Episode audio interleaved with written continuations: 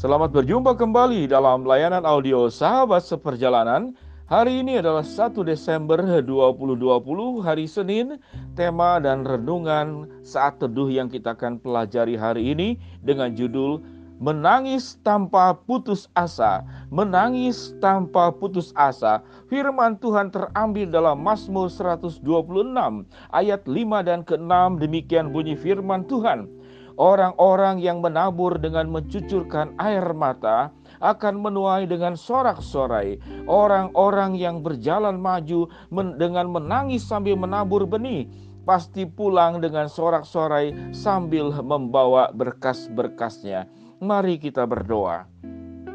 Bapak yang di dalam sorga kami sangat memahami bahwa kehidupan sahabat seperjalanan diperhadapkan kepada berbagai macam tantangan, kesulitan, rintangan yang membuat akhirnya kami mengalami tangisan-tangisan kehidupan karena kesulitan hidup ini. Namun kami percaya bahwa Allah beserta dengan kami, bahwa Allah menguatkan kami, bahwa air mata yang kami keluarkan tidak dibiarkan kami sendirian mengalaminya, namun ada Allah yang jauh lebih memahami daripada kami sendiri, daripada air mata kami sendiri. Di dalam nama Tuhan Yesus kami berdoa. Amin.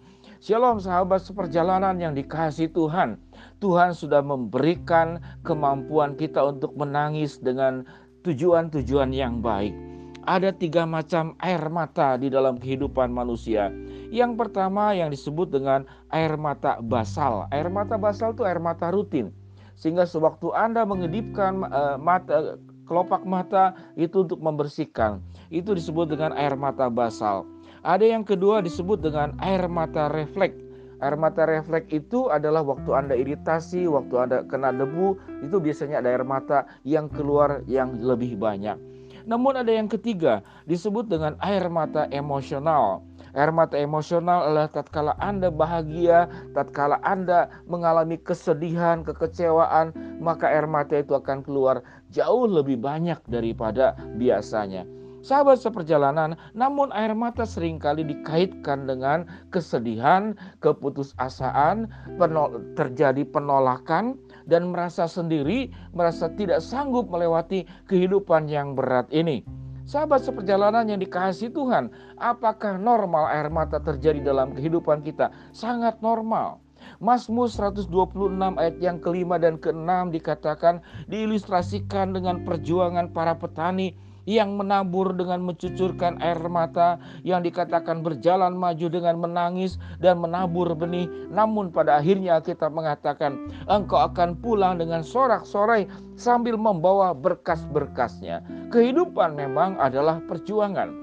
Di dalam perjuangan Anda mengeluarkan keringat, Anda mengeluarkan air mata, bahkan di dalam kondisi tertentu orang mengatakan dengan tetes darah penghabisan itu adalah perjuangan. Sahabat seperjalanan yang dikasih Tuhan, perjuangan adalah sesuatu yang sangat indah. Sesuatu kita mendapatkan sesuatu dengan mudah, maka keindahannya menjadi jauh lebih bawah. Namun tatkala Anda berjuang dengan segala daya dan upaya, Anda mengeluarkan segala potensi di dalam dirimu dan melakukan yang terbaik sebagai bentuk tanggung jawab hidupmu dan Allah menyertai di dalam setiap perjuanganmu, setiap keringat yang kau keluarkan, setiap air mata yang engkau keluarkan, bahkan tetes darah yang engkau keluarkan.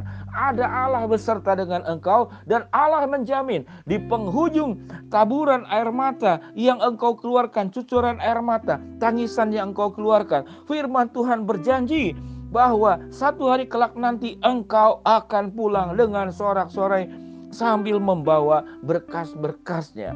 Sahabat seperjalanan yang dikasih Tuhan, menangis adalah hal yang sangat lumrah. Menangis artinya engkau sedang berjuang dalam kehidupan ini.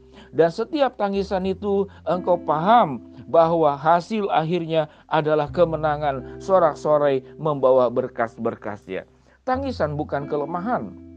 Tangisan adalah hal yang wajar dalam perjuangan hidup.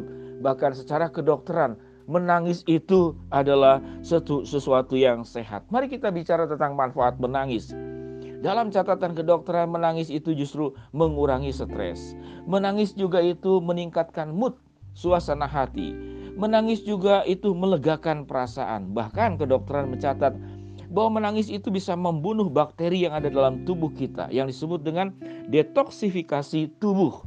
Jadi menangis punya manfaat yang sangat luar biasa. Yang menarik lagi bahwa kalau Anda menangis itu meningkatkan penglihatan dan satu hal lagi, silakan Anda cari di Google bahwa menangis pun itu akan menurunkan berat badan Anda.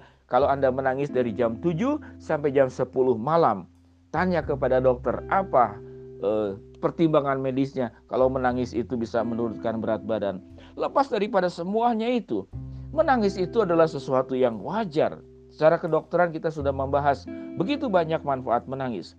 Mengurangi stres, meningkatkan mood, melegakan perasaan, membunuh bakteri, meredakan rasa sakit, membuat tidur lebih nyenyak, detoksifikasi tubuh, membuang racun tubuh, meningkatkan penglihatan, bahkan dikatakan bisa menurunkan berat badan. Kalau Anda menangis jam 7 sampai jam 10, tapi beritahu kepada anggota keluarga kalau mau menangis ya, nanti mereka kaget. Kenapa menangis tiba-tiba tidak ada kejelasannya? Katakan kalau saya menangis dalam rangka menurunkan berat badan. Sahabat seperjalanan yang dikasih Tuhan. Menangis adalah wajar karena perjuangan hidup bukan tanda kelemahan. Menangis juga bukan karena engkau putus asa seperti dalam tema renungan kita. Menangis tanpa putus asa. Mengapa kita menangis tanpa putus asa? Karena di dalam perjuangan hidup kita, dalam tangisan yang kita keluarkan, ada kekuatan Allah yang melampaui masalah kehidupan yang kita hadapi. Catat kalimat ini. Tangisan yang kita keluarkan adalah tidak mengalami putus asa karena kita paham ada kekuatan Allah yang melampaui beratnya masalah dalam kehidupan ini.